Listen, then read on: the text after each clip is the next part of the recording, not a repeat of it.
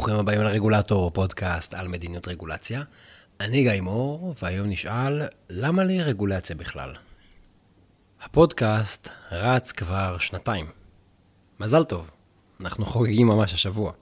ונראה לי שלכבוד המאורע שווה לעשות רגע פאוזה מהסיפורים והניתוחים והמקרים והעקרונות, כדי לקחת צעד אחורה ולדבר על מה זה בכלל רגולציה מנקודת המבט שלי. אולי ככה גם תבינו למה בכלל אני לוקח את הזמן כדי להפיק את הפודקאסט הזה. לפני כמה חודשים השתתפתי בדיון מרובה משתתפים על רגולציה שנמצאה בבחינה ובתהליך של עדכון. בצד אחד של השולחן ישבו הרגולטורים והם דיברו בשפה מאוד מאוד מקצועית ואפילו טכנית על החששות שלהם ועל האסונות שעלולים להתרחש. בצד השני של השולחן ישבו אה, כמה יועצים משפטיים והם החזירו את הדיון שוב ושוב לאינטרס הציבורי שעליו יש להגן, ודיברו על איזונים עדינים ועל זכויות. הדיון הזה היה במין פינג פונג בין שני הצדדים של השולחן, והוא לא ממש התקדם למרות שהוא נמשך יותר משעה וחצי. ואני התרשמתי שבעצם מתנהלות פה שתי שיחות במקביל. שיחה אחת שהרגולטורים ניהלו, שהיא כללה המון מונחים מקצועיים וטכניים, ושיחה שנייה של היועצים המשפטיים, היא עסקה במונחים יותר מופשטים ורקים, כמו אינטרס ציבורי וראוי וסביר. שתי השיחות האלה לא הזכירו משהו. למעשה נכחתי בדי הרבה דיונים שכמעט לא הזכירו נושא אחד חשוב. אנשים. ולדעתי רגולציה היא קודם כל מקצוע של אנשים. היא עוסקת באנשים. היבט אחד של העניין הזה זה המטרה. רגולטורים בדרך כלל יגידו או שהם מגנים על בריאות הציבור, או שמה שחשוב להם זה בטיחות, או יציבות פיננסית, או דברים כאלה. אם תשאלו אותי, רגולציה נועדה לשפר חיים של אנשים. פשוט לעשות טוב. ובוודאי שלעשות יותר טוב מרע. אבל הרעיון הסופר סופר פשוט הזה, הרבה פעמים הוא פשוט לא במודעות שלנו. אנשי המקצוע באופן טבעי עוסקים במקצוע שלהם. זאת אומרת, ברוחים לדרישות בעולם החשמל, לזיהום אוויר, להנדסת צעצועים, לחומרים מסוכנים, באיזה תדרים מותר לשדר, כל מיני דברים כאלה. מצד שני, היועצים המשפטיים דנים בעיקר באינטרסים ציבוריים ובמבחנים משפטיים. וכעורך דין, אני לגמרי מבין את הקבוצה הזאת ומכה על חטא. אך מצד שלישי, יש את אנשי המטה והמדיניות שמכורים לתהליכים. שואלים אה, דברים כמו, האם ביצעת ניתוח של הבעיה? האם עשיתם השוואה של שלוש חלופות לפחות? מה עם סקירה בינלאומית? וגם בקבוצה הזאת שייך, אז גם בזה אני חוטא ואני מכה על חטא. עכשיו תראו, כולם צודקים בדרכם. אבל בקלות מדי אנחנו מדלגים על האנשים ומתעמקים מדי בכל מיני צדדים אחרים של הדיון, כל אחד הולך לאיפה שמאוד מאוד אה, נוח לו. תראו, למשל, כשאנחנו אומרים כשל שוק, או מונח כמו סיכון בלתי סביר. בסוף, בסוף, בסוף, מאחורי כל המילים אנחנו מדברים על אנשים. נגיד זיהום אוויר שיוצר החצנה, הוא מצב שבו אדם אחד פוגע באדם אחר באמצעות הזיהום הזה. והוא עלול להמשיך לעשות את זה, להמשיך לפגוע במישהו אחר. או אם אנחנו דנים על רישוי של חומרי הדברה, אנחנו עושים את זה כדי להגן על הבריאות של אנשים אמיתיים, כדי שלא יהיו חולים, אבל הם עלולים להיות חולים בגלל כל מיני שאריות של רעל באוכל שלהם. אבל כשזה הדיון, מצבנו עוד בסך הכל בסדר. אנחנו נוטים להתעלם מההשפעות הלא רצויות על האנשים האמיתיים.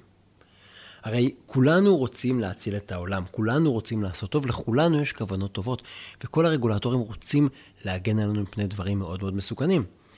זה אחלה. אבל מה שלא נעים ולא נוח, זה לגלות שבעצם בסוף, בעצם פגענו במישהו. בעצם עשינו רע. וכשאנחנו קובעים רגולציה שמטרתה להגן על אנשים, בדרך כלל תהיה לה עלות. בדרך כלל יהיו לה השלכות שליליות. וזה נכון, אפילו אם הצבנו את הרגולציה בצורה מאוד זהירה ועל בסיס נתונים, הרגולציה הזאת בסוף תגבה ממישהו מחיר. וזה לא עניין תיאורטי, זה בדיוק הקטע. זה בן אדם אמיתי, שאולי לא יכול להתפרנס. או אולי אנחנו מחייבים אותו אה, להמתין לאישור ממשלתי עד שיוכל לפתוח עסק, אבל בינתיים הכל תקוע. שם הבן אדם בקצה. וזה לא שאנחנו סתם שוכחים שהרגולציה פוגעת בבני אדם אמיתיים. יש בעיה אמיתית שאני מכנה אותה אובדן האמפתיה. מגיע בן אדם פרטי, או בעל עסק, שהוא גם בן אדם, והוא מתלונן בפני הרגולטור, נגיד על הדרישות המחמירות, או על תהליכים מסורבלים, או על השירות הלא יעיל. ולעיתים התגובה האוטומטית של הרגולטור זה לברוח לטכני מקצועי. למשל, הוא אומר, יענה, זה הסטנדרט שנדרש לבדיקת PCR. או שהוא בורח למשפטי. הוא יגיד, זה מה שנחוץ כדי להגן על האינטרס הציבורי. או זו הסמכות שהוא קנתה לי בחוק. ועל פניו זה נכון, כן? הרגולטור צודק. אבל תחשבו רגע על הסיטואציה, עומד מולנו בן אדם. קשה לו, הוא סובל, הוא כואב, הוא מטורטר, הוא מתוסכל, הוא מבקש עזרה. אנחנו קבענו רגולציה והייתה לה מטרה חשובה, מטרה טובה, אבל פגענו בו. ואנחנו לא באמת מקשיבים. אנחנו לא באמת מנסים להבין אותו. אנחנו יושבים במגננה שלנו, ולפעמים מדקלמים סיסמאות.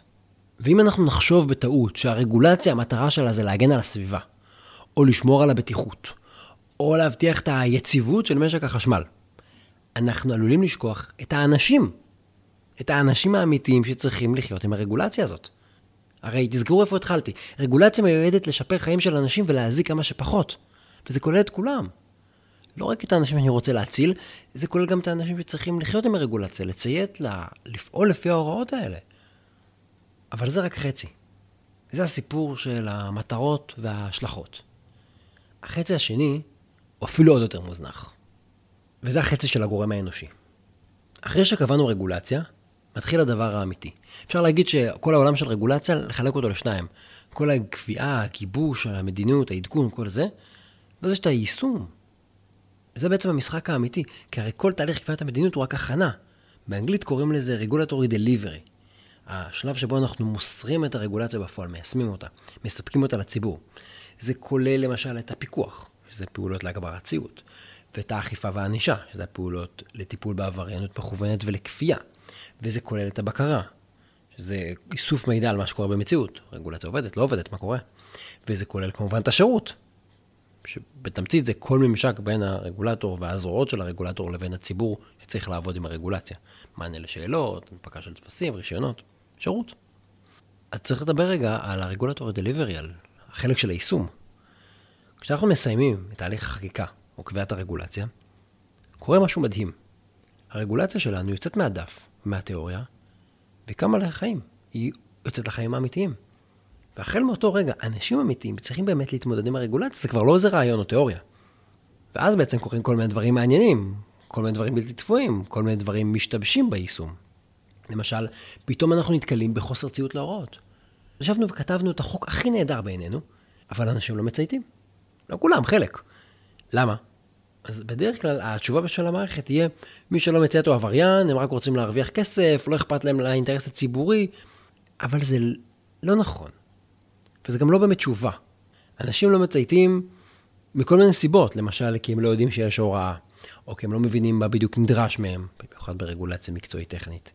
כי הם לא מזדהים עם הרגולציה, כי בלתי אפשרי לציית לה. יש גם עבריינות מכוונת, אבל בואו, בסך הכל, היא די בשוליים. אם כל ההפרות היו בגלל עבריינות מכוונת, הייתה חברה קטסטרופלית לחיות בה. מה שמתפספס עוד פעם, זה שיש מולנו בני אדם. זה לא חבורת עבריינים שאני מטיל עליהם חוקים, זה בני אדם, שפתאום מישהו דורש מהם לעשות משהו, לשנות את תהליך העבודה, לקנות ציוד חדש, לקנות חומרים חדשים, לא לעשות משהו. וכמו בני אדם אמיתיים, לפעמים הם לא מבינים את ההוראות שכתבנו, או לא מצליחים לציית להם, או אפילו לא יודעים שההוראות האלה קיימות, כי לא פרסמנו את ההוראות. וזה הגורם האנושי, שכשהוא נכנס לפעולה, אז דברים מסתבכים. זה הסיפור שמדעים מדויקים מדויקים, ומדעים אחרים הם לא מדויקים. מדעים מדויקים, אין את הגורם האנושי, וברגולציה יש אותו בגדול. ויש עוד דברים שקורים בעולם האמיתי, למשל, יש את השונות בין כל מיני אנשים מכל מיני קבוצות. אנשים מגיל, מוצא, השכלה שונים. לא כולם מסוגלים לקרוא נוהל שכתוב בשפה משפטית או שפה מקצועית מסורבלת. למשל, כמו שלא כולם יודעים מה זה בדיקת PCR, וכמובן שלא כולם יכולים למלא טופס ממוחשב, ורוב האנשים כבר לא מסוגלים להגיש בפקס, כי אין פקס בשום מקום. זה מתקשר לנקודה אחרת, אגב, שאנחנו עושים מעט מדי מחקר משתמשים. למשל, לתת למפוקח פוטנציאלי לקרוא את הנוהל או למלא טופס ולבדוק אם הוא מסתבך, אם זה ברור לו, מה עובד חלק. זו דרך מעולה לשפר את הדרישות ואת התהליכים, אבל כל הרעיון הזה של מחקר משתמשים מבוסס על זה שאנחנו זוכרים שמולנו יש בני אדם אמיתיים. והם לא אנחנו, זאת אומרת, הם מבינים דברים אחרת, הם חושבים דברים אחרת, יש להם קשיים אחרים, ואנחנו צריכים להתחשב בגורם האנושי הזה. אגב, גם שיתוף ציבור הוא כלי שמבוסס על ההבנה שאנחנו לא לבד בעולם, ושאנחנו יוצרים רגולציה עבור אנשים אחרים, וכדאי שנשמע מה יש להם להגיד. אז זה בעיניי בעצם הסיפור. רגולציה עוסקת באנשים. אנחנו רוצים לעשות טוב לאנשים, אנחנו צריכים לזכור את זה, אנחנו צריכים להימנע מלעשות רע לאנשים, וכשהדברים יורדים לפועל, למציאות, אנחנו פוגשים את הבני אדם. הרגולציה פוגשת את המציאות, וזה עולם פרקטי של אנשים. אין תיאוריות, עקרונות הגדולים הם אחלה, אבל זה לא מספיק עקרונות גדולים. צריכים לראות את האנשים בעיניים ולהתמודד עם מה שהמציאות מביאה לנו. היום מדברים הרבה על הצורך לשלב דיגיטציה ואינטליגנציה מלאכותית בממשלה וברגולציה.